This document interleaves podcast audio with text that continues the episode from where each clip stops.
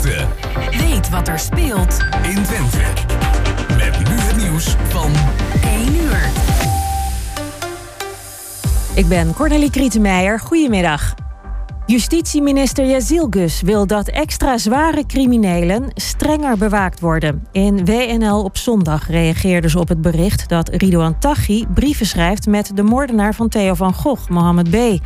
Er zijn ook berichten dat prinses Amalia wordt bedreigd, maar daar wilde Jezilkus niks over zeggen. Ruim 60% van de Nederlanders steunt het asielbeleid. Dat meldt de NOS na onderzoek onder ruim 2.500 mensen. Opvallend is dat mensen die in de buurt van een AZC wonen positiever zijn dan mensen zonder ervaring met een AZC. Wel moet de grootte van het AZC in verhouding staan met het aantal omwonenden, zeggen ondervraagden. De TUI-reizigers die gisteravond vanuit Turkije op een vliegveld in Roemenië stranden na een noodlanding, zijn weer onderweg naar Nederland. TUI heeft een vervangend toestel voor ze geregeld. Hun vliegtuig gisteren raakte na een botsing met vogels zo beschadigd aan het cockpitraam dat doorvliegen niet kon. En de topman van een Amsterdamse ziekenhuis stort 5000 euro van zijn salaris in een fonds voor zorgmedewerkers die het moeilijk hebben. Hij roept collega's die ook genoeg verdienen op om hetzelfde te doen. Het fonds moet niet alleen mensen financieel ondersteunen, maar ook coaches betalen om ze blijvend te helpen. En dan nu het weer van Weer Online. Regenachtig en het waait flink met vooral in het Waddengebied zware windstoten. Het is rond 15 graden. Morgen iets droger. En tot zover het ANP-nieuws. Mam, mama, ik moet plassen. We zijn bijna bij Willemse Toiletten. Daar kun je veilig naar een schoon toilet en je handen wassen. Willemsen Toiletten. Het openbaar toilet in de binnenstad van Enschede. Voor een hygiënisch en plezierig bezoek vindt u in de klanderij. Lever na uw toiletbezoek de waardebon in bij een van de deelnemende winkeliers. Scan de QR-code of kijk op willemsentoiletten.nl.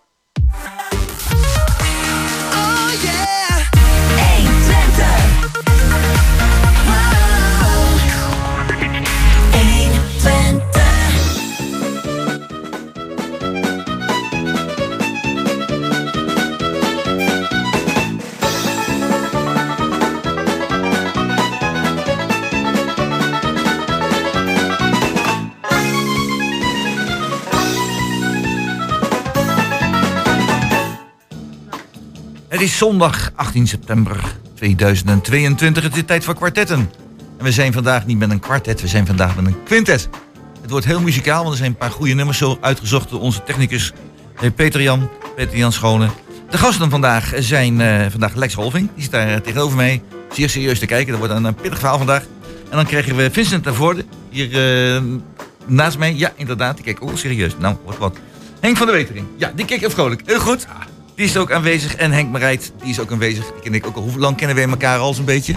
Nou, ik denk een jaar of uh, 48, Ja, 49. zoiets. Je hè. goed gezien. Ja, ja ik Ja. ben ook zoiets. Net Ja. geen 50 jaar. Dus Nee, nee, eh, niet. Nee. Ja, we lopen al een tijdje mee eh, zo in, dit, eh, in, in Hengelo. Nou, eh, de, het uitnodigen van de gasten was gedaan door Jos Lazinski. Dat heeft hij zeer ijverig gedaan vandaag, dat blijkt. Organisatie is in handen van Emiel Urban. Vandaar dat we allemaal koffie hebben. Fantastisch en alles is klaargezet.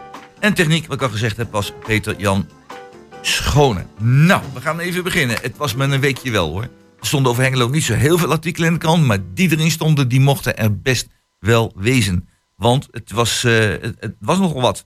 Eh, wat heel veel over gesproken wordt op dit moment. Dat is de, ja, het hele energieverhaal en alles rond wel bij ons en zo meer. Eh, ik, kijk even, ik kijk even naast mij. Henk, hoe zit het nou, hoe zit het nou eigenlijk met, eh, met, met, met Welbions en, en andere dingen die hij doet? Want er zijn nog wat klachten over Welbions. Is dat terecht?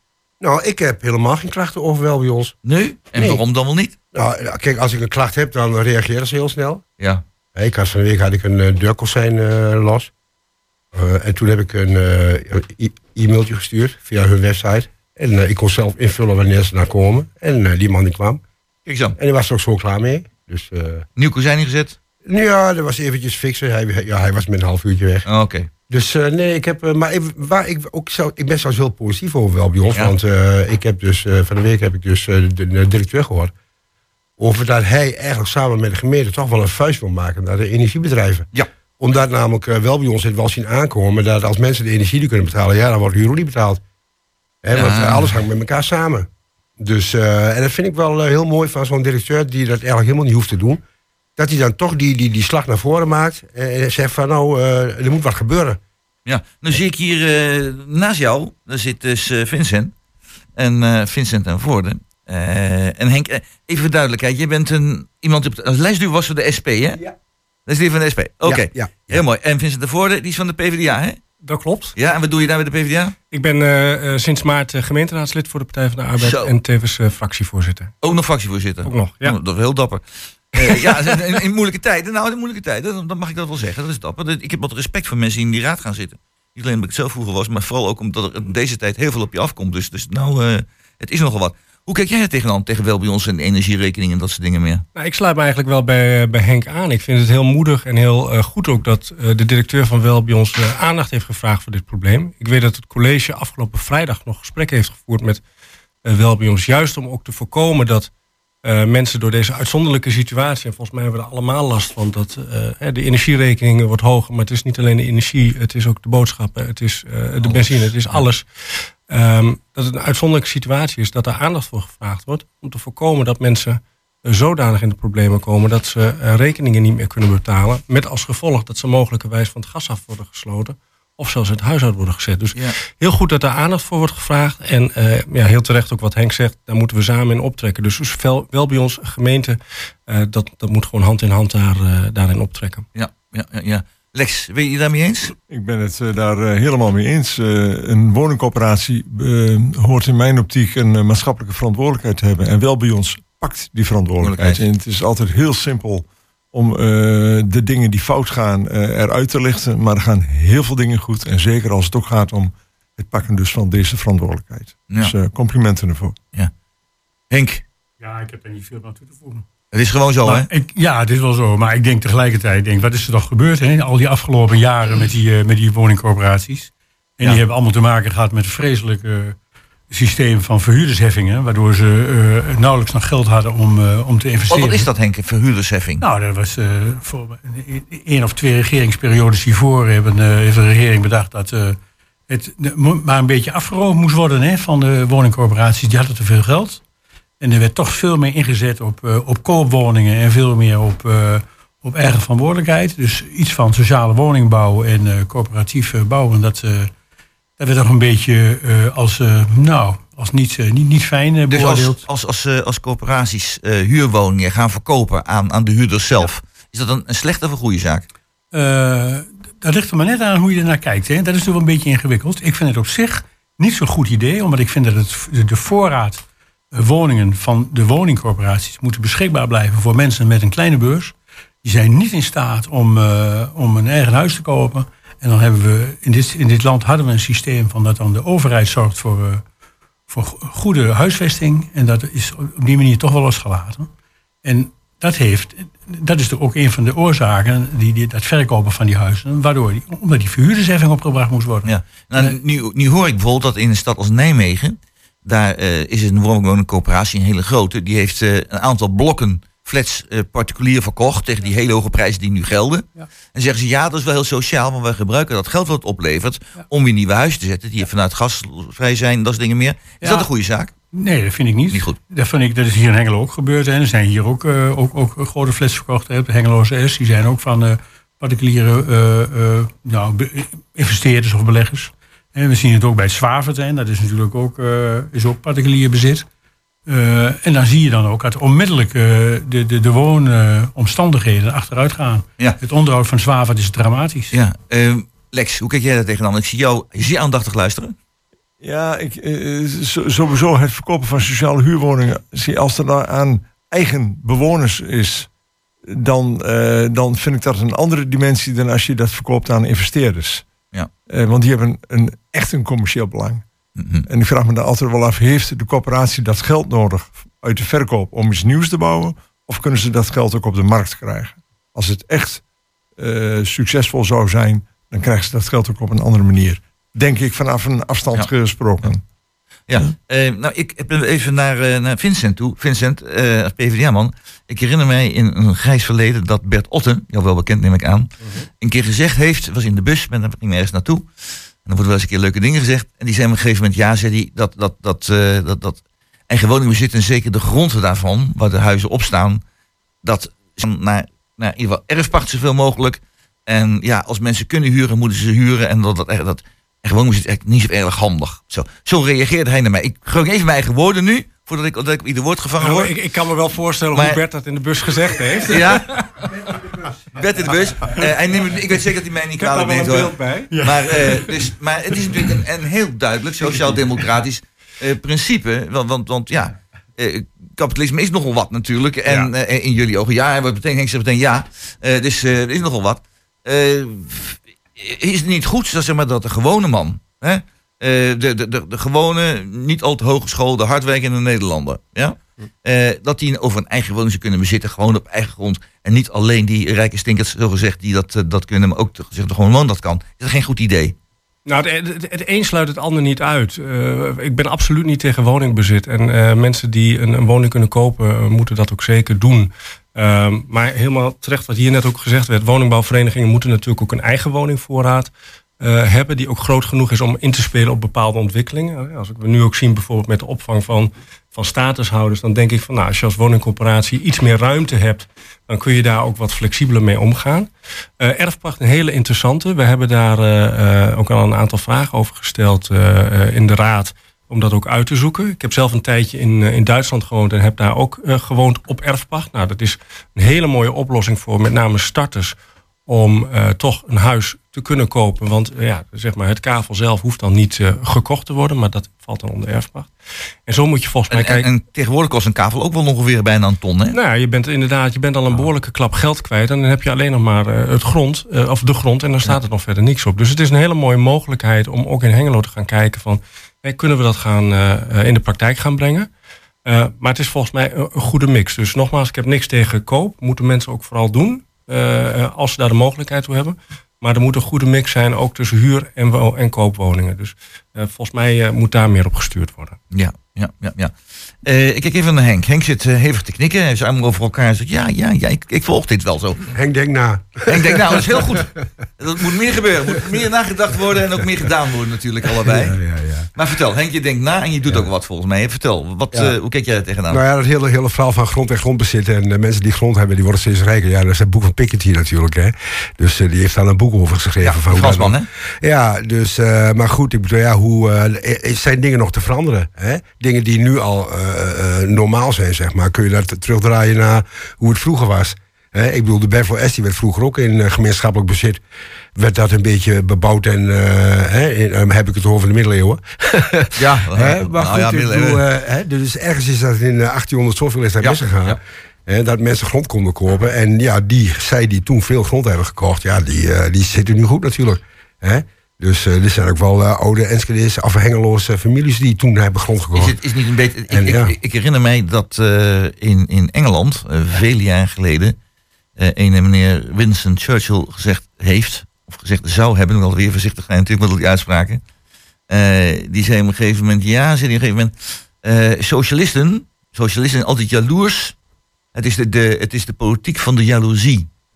Ze gun iemand anders het niet. Eh ik vrij vertaald het laatste. Hè? Maar ehm, ben je het daar nou mee eens? Of zeg je nee, Nou ja, het gaat ik- om, ik- om eerlijkheid? Ik, ik gun in ieder geval een ander de armoede niet. oh, dat is heel goed, ja. Hè? Dus eh, dat is voor mij wel het belangrijkste eigenlijk. En ja, als iemand anders heel rijk wil worden, ik vraag me altijd af van, eh, wat hebben die mensen daar geld voor nodig? Waar gaan die mensen naartoe? Hoe leven die mensen? Waar, Ja. waar vieren ze vakantie? Ja. In welke bubbel leven ze? Ik ben blij dat ik niet in die ja. bubbel hoef te ik ga leven. ik even weer naar, naar Henk. Ik, we hebben in, in een grijs verleden ook wel, wel gesprekken gehad, ook in deze Ja. richting. En eh, wat je dus nu ziet, dat de CEO's van hele grote bedrijven, eh, die zeggen dan van draai ik nog aan toe, ik sta er slecht voor, want ik heb dit jaar maar 2 miljoen meer per jaar gekregen. Dat is heel erg weinig. Hè? En dus eh, ja, ik denk toch dat ik maar eh, naar Engeland ga of naar Amerika, want eh, eh, tegen zo'n hongerloontje, daar kan ik niet van, eh, niet, niet van rondkomen.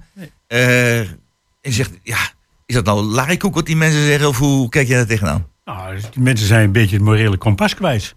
En dat gaat alleen maar over, eh, over meer, meer, meer. Hè. Hebzucht, greed. Hebzucht is ja, volgens mij ja. een van de zeven doodzonden. Ja, en daar kunnen we ja. wel eens over nadenken wat dat precies betekent. Niet dat ik nou zo bijbels ben, maar wel eh, die moraal, die, eh, die volg ik dan wel. En ik denk van, het is hebzucht. hè. In hoeveel zwembaden wil je tegelijkertijd zwemmen? Ik bedoel, als je al een zwembad hebt, is prima. Maar moet je dan drie zwembaden hebben om in te kunnen zwemmen? Nou, dus dat is een beetje een andere wereld. Hè. Ik hoorde van de week dat uh, bij Philips uh, de aandeelhouders... die vragen schadevergoeding omdat hun aandelen in waarde gezakt zijn. Ik denk bij mezelf, het is toch een omgekeerde wereld. Welke Ja. wereld leven wij? Ja, dat dat is kan toch- je dat is wel. toch Nou, inderdaad, wat niet- je zegt. En dat sluit misschien heel mooi aan. Eh, nou, ja, ja, Kijk, ik wil daar nog wel even op reageren. Want ik ik ben heel erg eens met, met Henk. En ik denk ook dat het een kwestie is... eh, hoe gaan we als, als samenleving met elkaar om? En volgens mij een van de belangrijkste waarden die we in de samenleving hebben... is solidariteit. Ja, en in de huidige tijd merk je eh, toch wel een beetje... dat een, eh, een groot aantal bedrijven, maar ook een groot aantal individuen... dat wel een beetje kwijt zijn geraakt. Eh, als ik zie dat er heel lang gediscussieerd wordt over, in Den Haag... over is het, kunnen we misschien bedrijven die op dit moment... door die energiecrisis heel veel winst maken... kunnen we die afromen om die winsten te gebruiken... om mensen die het echt moeilijk hebben te helpen. En dan denk ik van, ja jongens, volgens mij moet dat geen vraag zijn. Dat moet gewoon iets zijn wat we als samenleving met elkaar vinden dat we dat moeten doen. Dus die solidariteit, even aansluiten op het verhaal van Henk. Ik denk dat dat, ehm, nou, als we dan zeggen over iets moois wat uit deze crisis zou kunnen komen. Als we in de toekomst wat meer solidair met elkaar zijn als samenleving, zou dat een hele mooie zijn. Want dat Ja, mis ik ja. op dit moment wel. Ja. Ja, maar mag ik daar nog even op Nou, als laatste, maar dan gaan we even naar een muziekje toe. Maar... Die solidariteit dat is natuurlijk in de jaren eh, begin eh, van, van deze eeuw... of eh, misschien eind jaren negentig van de vorige eeuw... een beetje afgebroken doordat we toch vonden dat alles een beetje neoliberaal moest. Hè? Dat ze, nou, de minister-president die we nu hebben... die was toen nog net niet, geloof ik. Maar dat is wel diezelfde gedachtegang. Het is allemaal een beetje ieder voor zich... en eh, Ja. ons lieve heer voor ons allen. Goed, Dus het wordt, eh, dat is wel een dingetje, hoor. Neoliberaal horen we heel vaak. Ik hoor nooit het woord neosocialistisch, maar goed, dat is een ander verhaal. Eh, we gaan even kijken naar het volgende, en dat is het muziekje. En het muziekje is geschreven door Bob Dylan en wordt ook gespeeld door Bob Dylan. En dat heet The Times Are Changing en dat vind ik heel passend voor deze tijd. Come gather round, people, wherever you roam, and admit that the waters around you have grown, and accept it that soon you'll be drenched to the bone.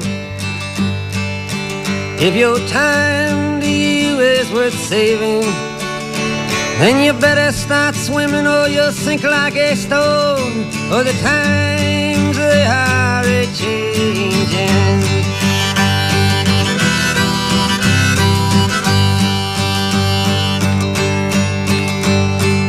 Writers and critics who prophesize with your pen. And keep your eyes wide, the chance won't come again. And don't speak too soon, for the wheel's still in spin. And there's no telling who that it's naming. Was the loser now will be later to win. For the times they are a changing.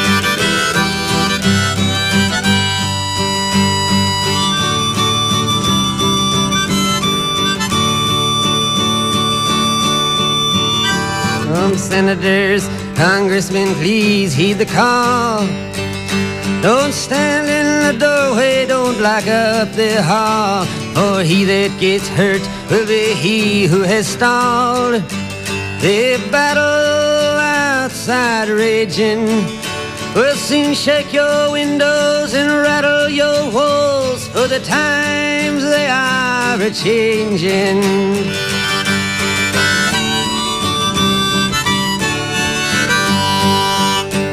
Uh, mothers and fathers throughout the land. And don't criticize what you can't understand. Your sons and your daughters are beyond your command. Your old road is rapidly aging. Please get out of the new one if you can't lend your hand. For the times they are a changing.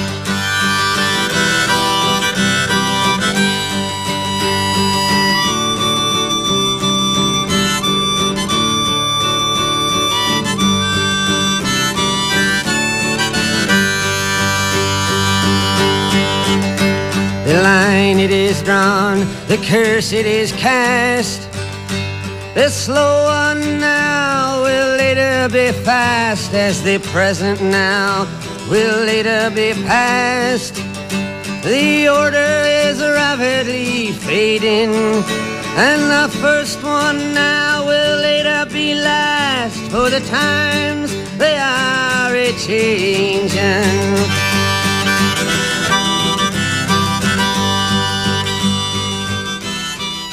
Kwartetten. Kwartetten. Ja, dit was The Times Are Changing van Bob Dylan. Ah, jaren 60. Ik heb daar goede herinneringen aan. Heerlijk, hè? Damslaap en dat soort dingen meer. Maar goed, eh, we kijken even verder. En ja, Henk begint te lachen. Eh, even, e- even dit. We hebben in dit tijdje dat we even hier een muziekje gedraaid hebben, even een gesprekje gehad.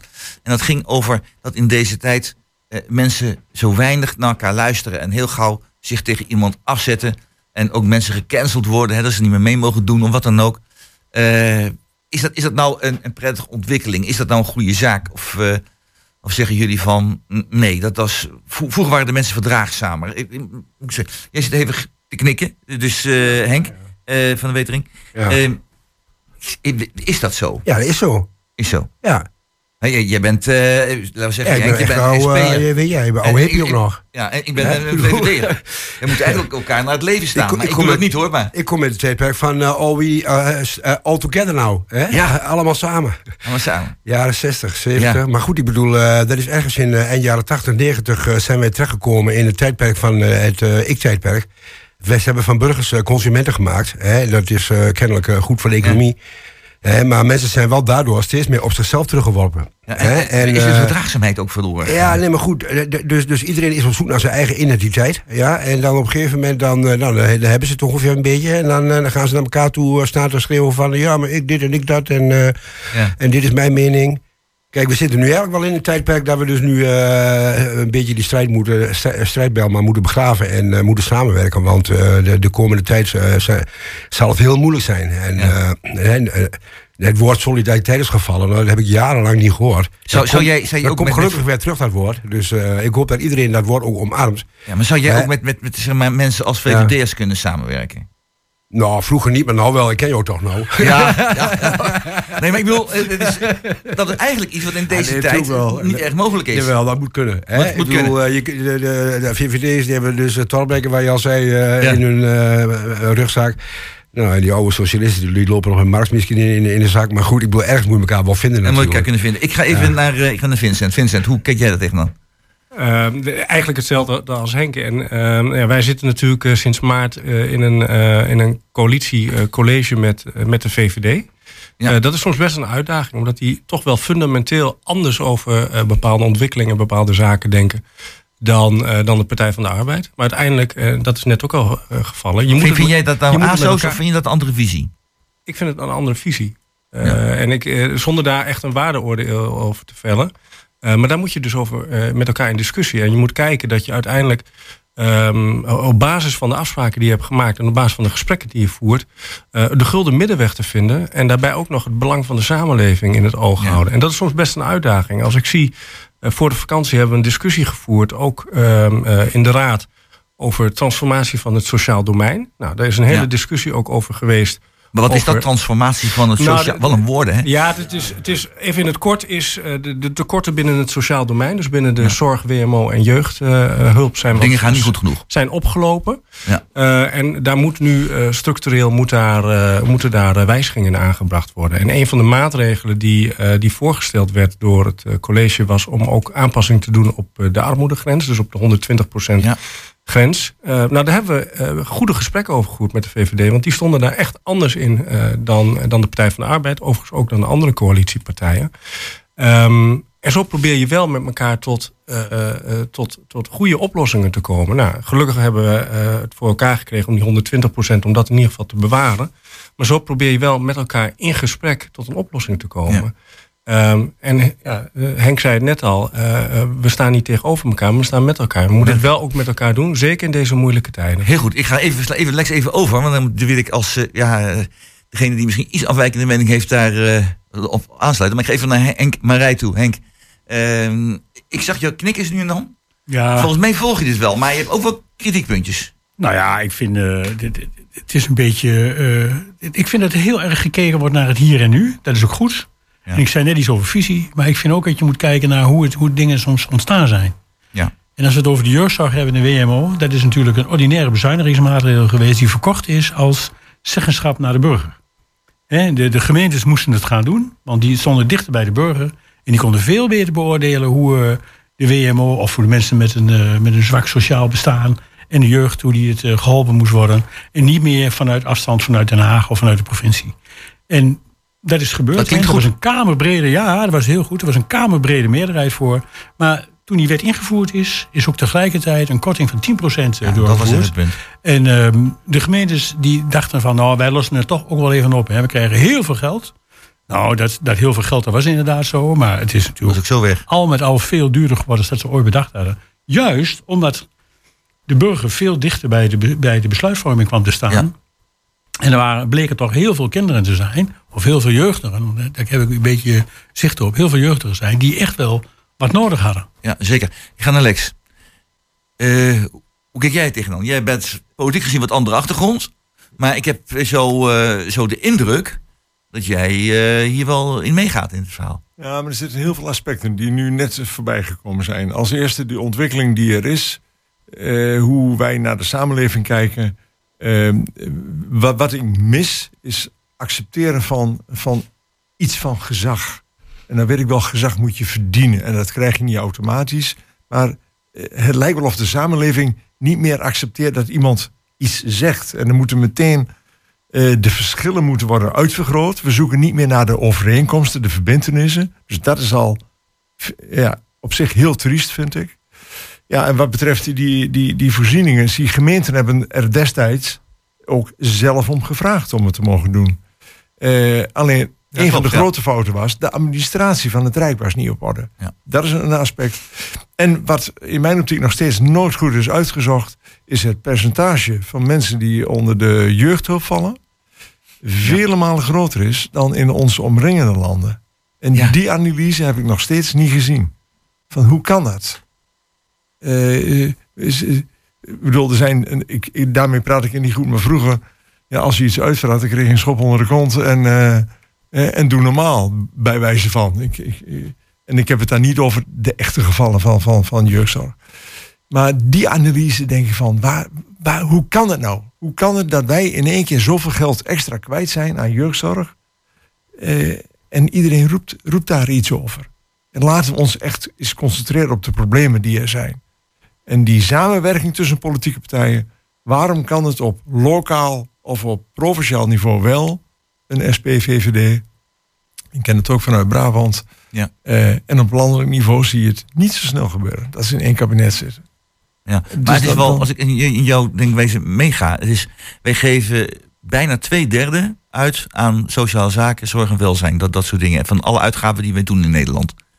Ik meen iets getal van 62 gehoord- procent gehoord hebben, maar ik weet niet of dat helemaal zo is, maar iets in die richting. In ieder geval meer dan de helft van alle uitgaven, die gaat daar naartoe. Maar kijk je naar andere landen waar het ook best goed gaat, in Duitsland bijvoorbeeld of in Denemarken, daar eh, zie je dat dat percentage veel en veel lager is.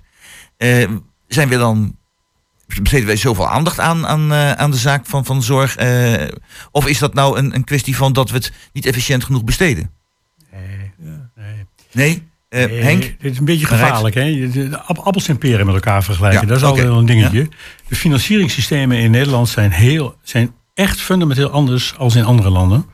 Bijvoorbeeld Denemarken, bijvoorbeeld Duitsland. In Duitsland wordt veel meer eh, via particulier initiatief eh, geregeld. Dat is dan maar geen overheidsgeld. Dat gaat op een andere manier. En dat zijn, Is dat niet beter? ja, nou dat even in het midden laten of dat beter is. Dat kun je ook nog iets over zeggen, maar dat vind ik nog wat anders. Maar het vergelijken met dat het in Duitsland veel goedkoper zou zijn... of minder duur of minder hulp met Nederland, daar geloof ik niks van. Dat is niet, eh, dat is niet aangetoond. Wat wel aangetoond is, is dat, dat er andere vormen zijn van hulp... die een, andere, die, die een ander effect hebben. Dat is natuurlijk wel zo. Maar het is niet zo dat wij... En wij geven natuurlijk heel veel geld uit aan dit soort dingen... omdat ook heel veel door de staat eh, geregeld wordt, zeg maar. En dat particuliere initiatief, wat in andere landen veel meer aan de orde is, ja, dat is, eh, dat is hier ook wel geweest. Maar dat heeft ook tot hele rare dingen geleid. Dus Ik ga even, naar, even nog naar, naar Vincent. Ik herinner mij vroeger van de middelbare school, toen kreeg je weer ook van die lijsten waar het geld aan uitgegeven werd in Nederland. En dan bovenaan stond onderwijs. Onderwijs en wetenschap heette dat toen vroeger. Stond bovenaan. Het tweede punt was defensie. En dat was de tweede, die was bijna net zoveel, was heel veel. En dan kreeg je dus een, een heleboel niks eigenlijk. En dan kwamen de, kwamen de andere zaken. En zaken als sociale zaken, dat stond ergens op de zevende of achtste plaats of zo. En nu zie je dat dat eh, zeg maar, het hoofdpunt is in de samenleving. Terwijl wij wel qua welvaart enorm zijn gestegen. Is dat niet met elkaar in tegenspraak? Of is dat, is dat, is dat, is dat, is dat, Nee, dat- dat- of zie ik het nou te moeilijk in? Nee, dat, dat, dat vind ik, dat vind ik een, eh, echt, echt te kort door de bocht. Eh, En, en ehm, ehm, ik moet hem ook even laten bezinken wat je, wat je met de vraag eh, probeert. Nou, ik, ik eh, bedoel daar dus mee van dat vroeger werd in verhouding tot de rest van de uitgaven heel weinig aan de nu de hoofdposten, aan vooral sociale zorg uitgegeven worden. Vroeger heel, in verhouding heel erg weinig. En nu zie je dat de welvaart enorm gestegen is. Het inkomen van de mensen is niet alleen als bedrag, maar ook met inflatie meegerekend ook behoorlijk toegenomen. Dus zou je zeggen van ja, maar waarvoor is al, moet al dat geld aan uitgegeven worden? Geven we nou niet te veel te veel uit? Nou ja, volgens mij eh, valt er ongetwijfeld een slag te maken in, in de structuur. Als we zien met hoeveel aanbestedingen we tegenwoordig te maken hebben en hoeveel organisaties er betrokken zijn binnen het sociaal domein, denk ik van nou, dat zou je anders in kunnen regelen. En daar is volgens Ja. mij al een slag op te halen. Maar ik vind het te kort door de bocht te zeggen van nou, het is, nu, het is nu meer dan dat het vroeger was. Want volgens mij kun je dat niet, niet vergelijken. Ik zie jou ook eh, eh.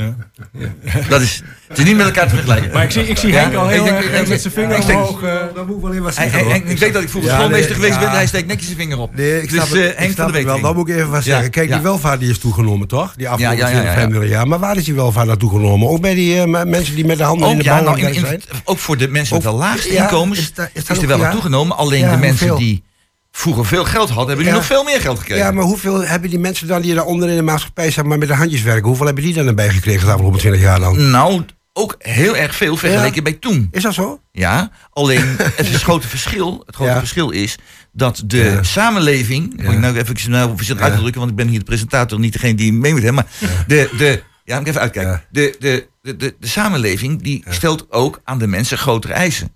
Ik heb een keer VWO-leerlingen uit laten rekenen. Als je met alles van de televisiereclame mee wil doen. Ja. Ja. wat daar dus eh, gepresenteerd Ja, wordt als nee. zijn de normaal, als zijn de norm. Ik weet niet welke Ja? bubbel jij dan, heeft hoor. Nee, nee, maar eh, dat schoon. dan moet je, moet je dus 5400 euro in de maand verdienen, netto, om met alles van de televisiereclame mee te doen. Dat was echt, Ja. was echt schokkend om dat, eh Maar om een gezin met onder de 2000 netto in de maand, zeg maar. Er zijn best wel heel veel beroepen maar, zeg maar, die Ja. onder de 2000 netto in de maand betalen.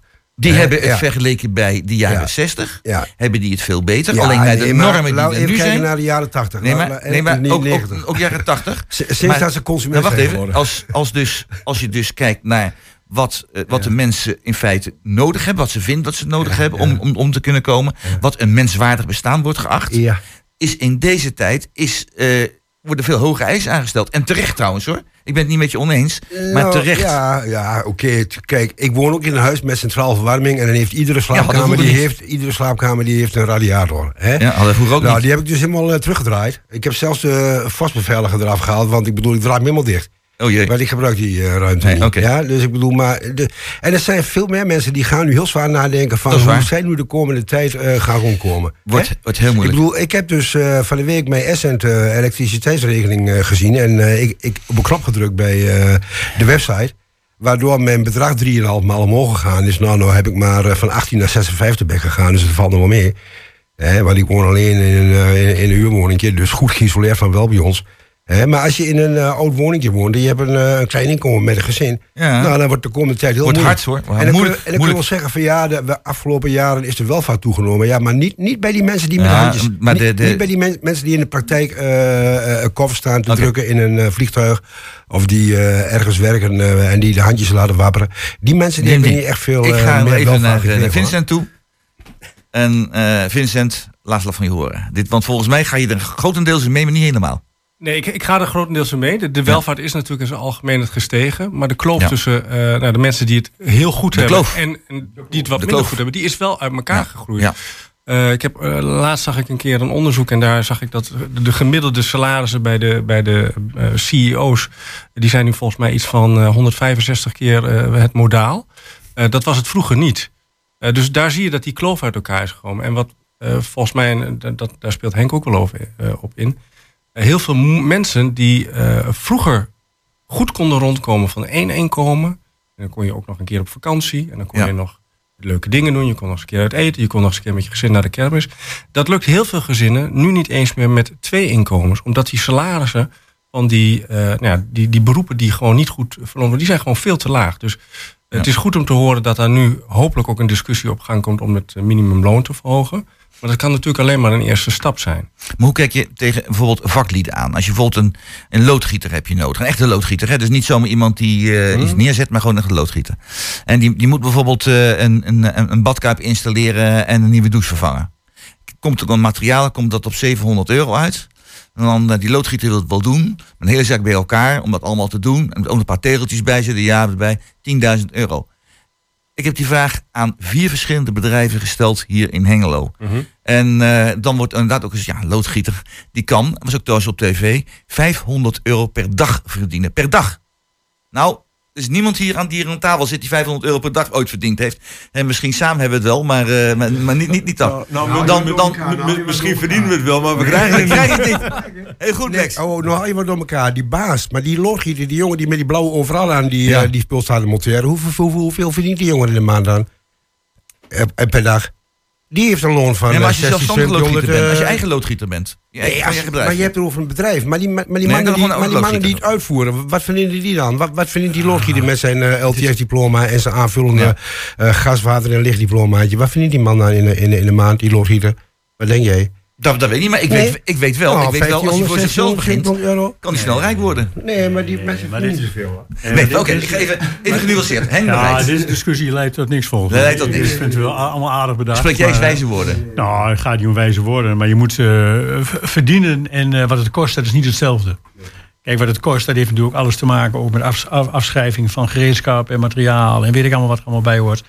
Maar het, is natuurlijk wel zo dat iemand die, eh, als jij een, een vakman in dienst, eh, in dienst neemt, dan, eh, dan ben je tweemaal zijn uurloon kwijt. En als iemand 15 euro verdient in het uur, hè, dat is iets meer dan minimumloon geloof ik, of meer dan minimumloon. En twee maal, dan is het al 30 maal, hè, dan is dat 30 euro. En dan moet je ook nog, mag ook nog wel een beetje winst opgemaakt worden, vind ik. Ja. Dus dan zit je al zo aan 50, 60 euro per uur. En als je dan 8 uur per dag werkt, dan zit je aan bijna aan 500 euro. Ja. Dus dat klopt wel zo'n beetje. En dus je moet goed, je moet het wel een beetje. Het lijkt allemaal heel duur, maar ik bedoel, ja, jij werkt misschien wel voor eh, 20 euro in het uur, maar jouw baas die betaalt veel meer. Ja. Die betaalt ook alles wat daar aan sociaal lasten bij hoort en zo. Dus het is wel een beetje ingewikkeld hoor. Je kunt niet zomaar alleen maar zeggen van. eh, en dan kun je wel zeggen, ja, ik ben ZZP'er, ik hoef alleen maar dat te verdienen. Nou, die ZZP'er moet zich ook verzekeren, die moet ook dit, die moet ook dat. Dit is, het is nog wel ingewikkeld. Kijk, kijk eens aan. Nou, dan, denk, dan ik- denk ik toch dat we tot een redelijke overeenstemming kunnen ja, komen. nou, dat weet ik niet. En, en dan. Nee, nee, heel goed. Ik vind dat leuk, deze. Eh het lijkt me goed dat we eens kijken naar wat vriendelijkheid voor elkaar, en aardig voor elkaar zijn. Eh, en het nummer wat we nu gaan beluisteren met de muziek is eh, van Foxy Music en het heet Love is the Drug.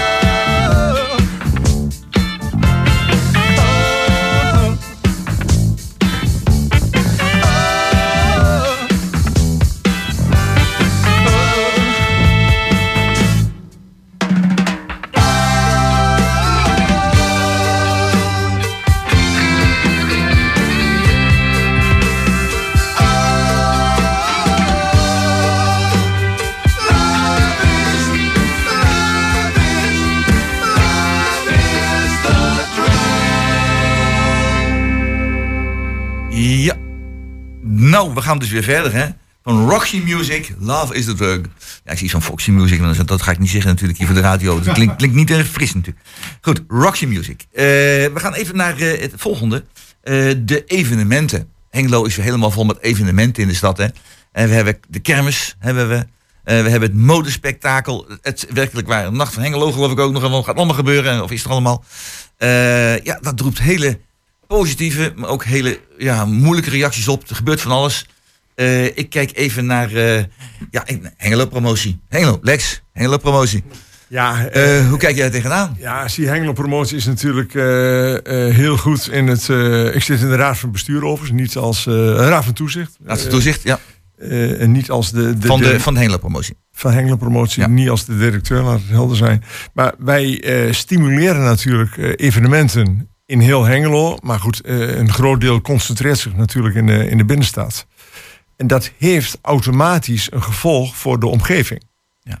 En, en als je bij een modespektakel, ik heb de krantartikel natuurlijk ook gelezen, van ja, dat veroorzaakt overlast in de kerk. En bij de kermis, ja, uh, ja. iemand gebruikte de term uh, welke natte tos die heeft het bedacht op het gemeentehuis. ja. nou, die betiteling die werp ik dan verre van ja.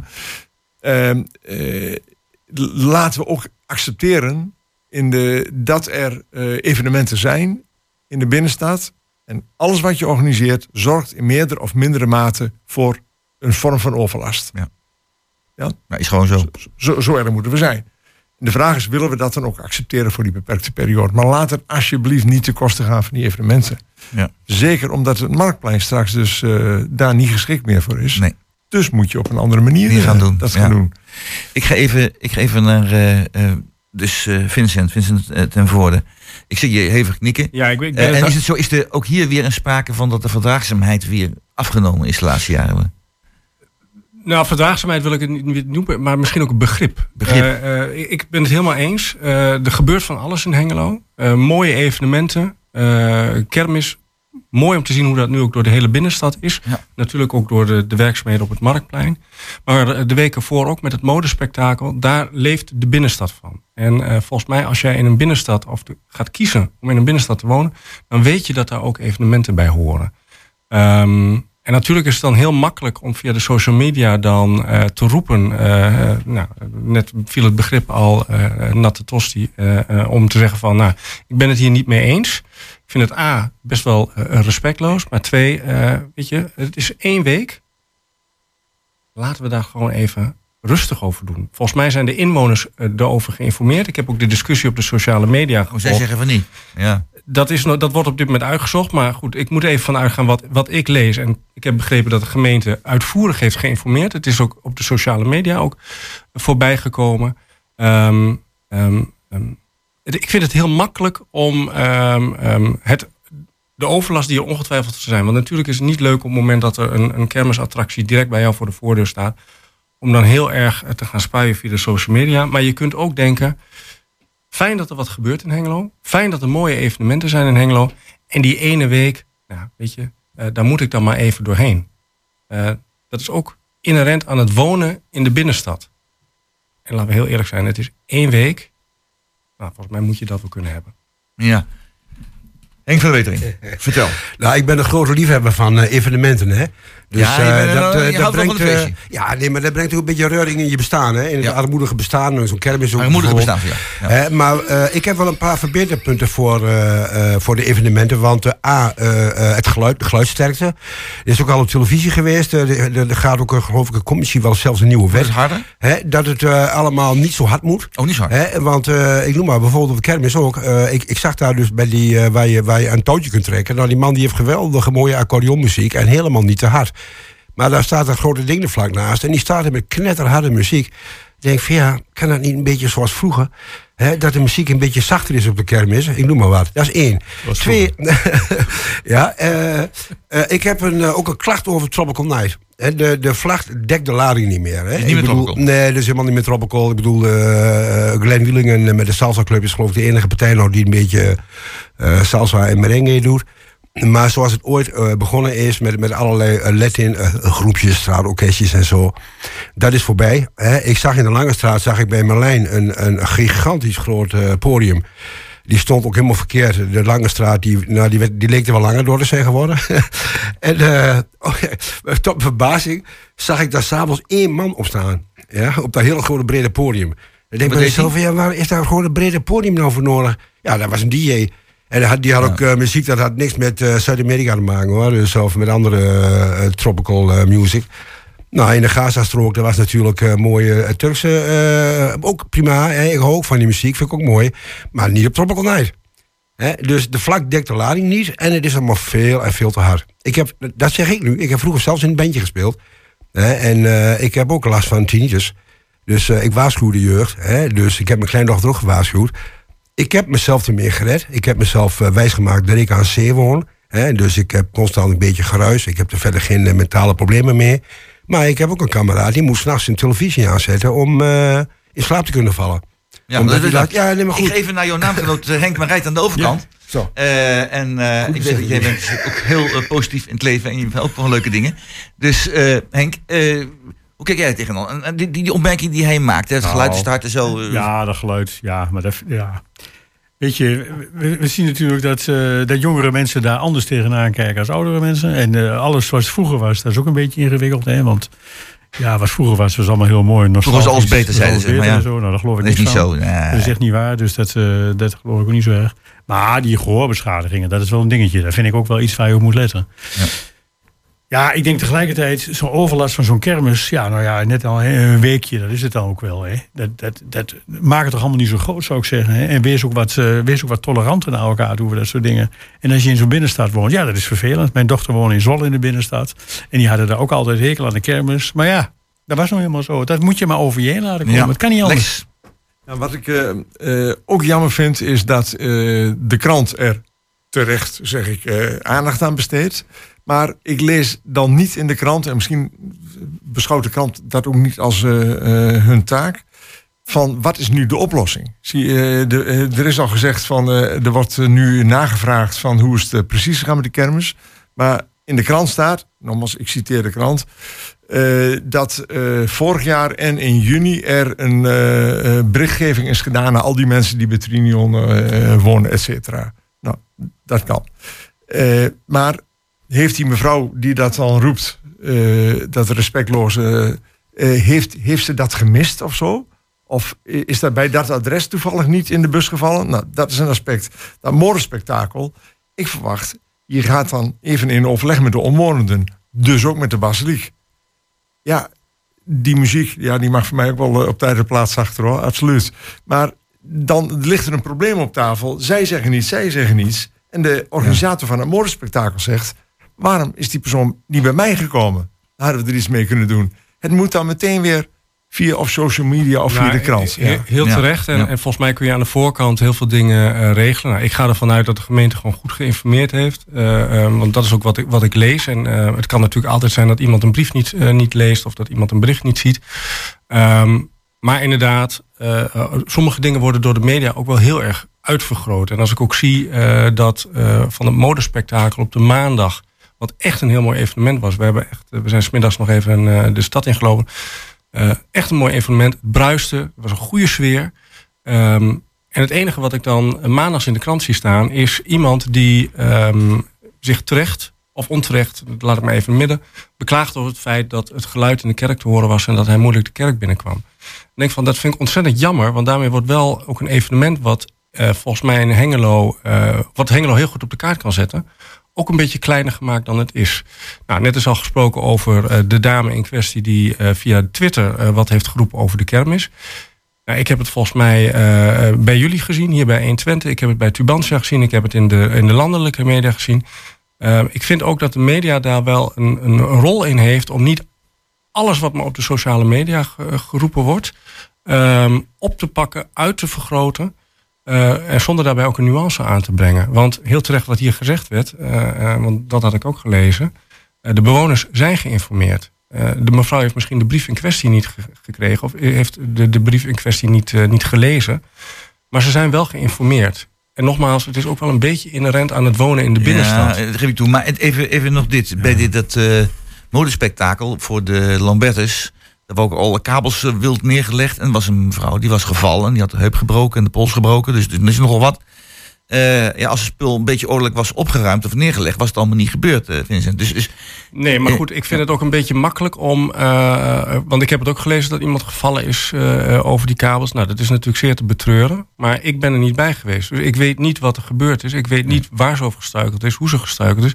Vind ik het heel lastig en ook best wel een beetje moeilijk om nu vanaf hier te zeggen: um, dat is de schuld van de organisatie ook daar nog even een nuance. Laten we niet ook gelijk gaan roepen van nou zo en zo is het gelopen, want ik heb dat en dat gelezen. Laten we ook even kijken uh, hoe dingen daadwerkelijk zijn gelopen. En nogmaals, het valt ontzettend te betreuren dat die vrouw uh, gevallen is.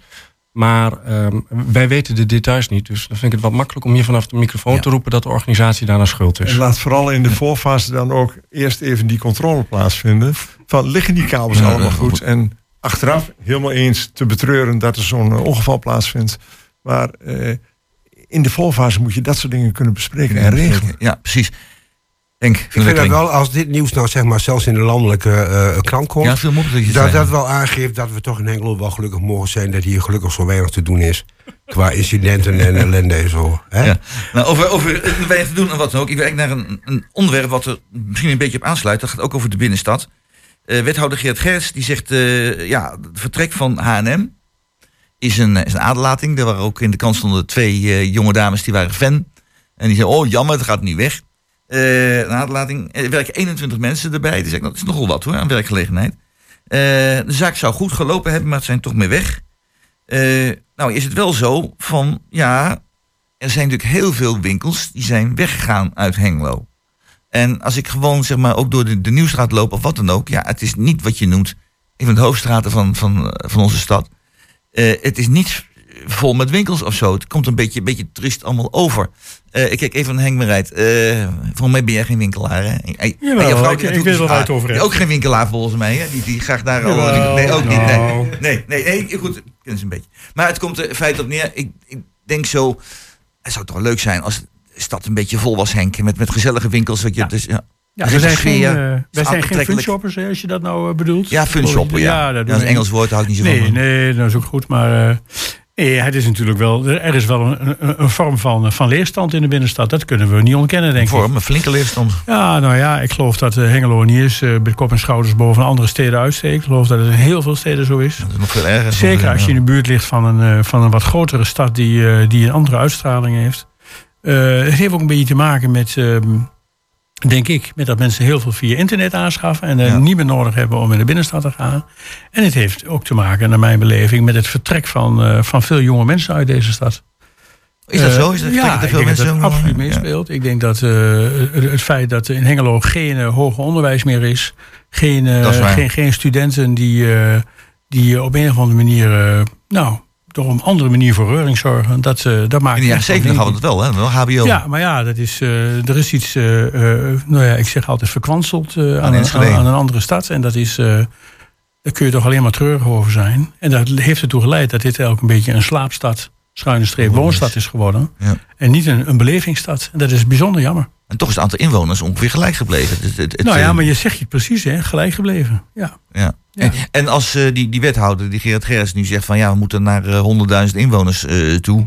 Nou, Eh, is dat een goed idee? Niet. Dat zegt het college volgens mij. Oh, college, sorry. Ja, maar, college dat is begrepen. dat. Maar- ik geloof wel dat college. Gerrit daar een van de eh, promotoren van is. Maar ja, maar eh, is dat nou is, is dat terecht, dat 100.000? Nou, Is- ik, eh, ik vind, ik vind eh, ik- nou ja, of het nou wel of niet een prachtig streven is, doet niet zoveel te zaken. Maar ik denk altijd, wa- waar moeten die mensen dan wonen? Nou, of allemaal de lucht in, dat zou ook nog kunnen, dat weet ik niet zo goed. hm. Nou, daar zitten we ook niet op te wachten. Ik vind het nogal wat, 100.000 inwoners. Ja. Maar goed. Ja, maar de vraag is of je die 100.000 nou echt als eh, jongens en daarmee eh, en daar moeten we dan ook per se uitkomen, of dat je daarmee een soort metafoor wilt schetsen van je moet vooruitkijken, je moet eh, de- dus je blik richten op de toekomst. En als overheid, ik, kijk, ik heb natuurlijk jaren bij de overheid ge- gewerkt, eh, ga je niet over welke winkels er komen en welke winkels er weggaan. Winkels gaan Zeker die landelijke ketens zoals H&M, die gaan puur voor... ik wil eh, zoveel procent winstmarge hebben, haal ik dat niet, peuts, sluit ik de zaak... en dan ga ik het geld op een andere locatie besteden. Eh, je kunt wel actief zijn in, eh, in qua acquisitie. Eh, bedrijven proberen te verleiden om te doen. Een aantrekkelijk winkelgebied te maken. Ja, faciliteren, En, hè, en ook het Ja, winkelgebied... En, en zegt dus, Gerrit, ik krijg iedere week al een aanbod. Ja, en ook het winkelgebied kleiner maken. Want we hebben inmiddels internet eh, waar heel Ja. veel eh, koopkracht naartoe gaat. Dus maak het winkelgebied kleiner, aantrekkelijker. En ik ben ervan overtuigd dat Gerard, eh Gerard Gerrits, die is daarmee bezig. Die is Ja, actief mee enthousiast, bezig. De hele binnenstad die wordt overhoop gehaald, juist met dat doel. Dus wat dat betreft eh, de complimenten. Maar wat landelijke ketens doen en wat specifieke winkels doen, daar heb je geen eh, grip op. En je ziet die ontwikkelingen natuurlijk niet alleen, eh, niet alleen in Hengelo, je ziet het in alle steden. Hè. Dat, eh, we zijn natuurlijk zelf ook, het werd net al genoemd, zelf ook een beetje inherent aan. Wij kopen natuurlijk veel meer eh, ehm, eh, via het internet. We zijn mobieler, dus we zoeken een shoppingbelevenis. Dus dat betekent dat je dan automatisch naar een grotere stad gaat waar meer aanbod is. Ehm, nou, er worden hier natuurlijk al wat ontwikkelingen in gang gezet in de binnenstad om het winkelgebied kleiner te maken. Ik wil nog wel even terug naar eh, wat net ook door Henk gezegd werd over de, de ambitie die het college heeft uitgesproken om op termijn te groeien naar 100.000 inwoners. Want het heeft natuurlijk wel een beetje, eh, is een beetje een eigen leven gaan leiden. Heel terecht wat net gezegd werd. eh, en we hadden het daar tussen de liedjes ook al, al, al over. Je hebt een visie nodig. Een visie, waar wil je de stad naartoe brengen? En die 100.000 inwoners zijn geen doel op zich. Maar geeft wel aan dat we in de komende jaren willen groeien. En dat betekent dat uit die groei ook bepaalde eh, andere zaken komen die we willen aanpakken. Nou, wonen is net al gevallen, winkelaanbod is net al gevallen. eh, maar natuurlijk ook het toeristische aanbod eh, moet daarbij in klank zijn. Het culturele leven moet daarbij in, in zijn. En dat betekent dat je die 100.000 inwoners als het ware als een soort nou ja, marker zet in de toekomst. Daar willen we naartoe groeien en daar hangen we als het ware de ontwikkelingen in deze stad aan vast. Eh, even los van de, zeg maar even tussen haakjes, korte termijn ontwikkelingen van winkels als H&M, H&M die eh, zeggen wij geven deze eh, locatie op omdat er te weinig eh, eh, omzet wordt gedraaid. Want daar hebben wij als gemeente Hengelo, eh, maar ook andere gemeenten, ontzettend weinig invloed Ja, op. ik ga nu naar eh, Henk van der Wetering. Die zit al een hele tijd, eh, want die wil, wil gauw wat zeggen. joh, die En 100.000 terecht. daar heb ik eh, wel mening over. Ja.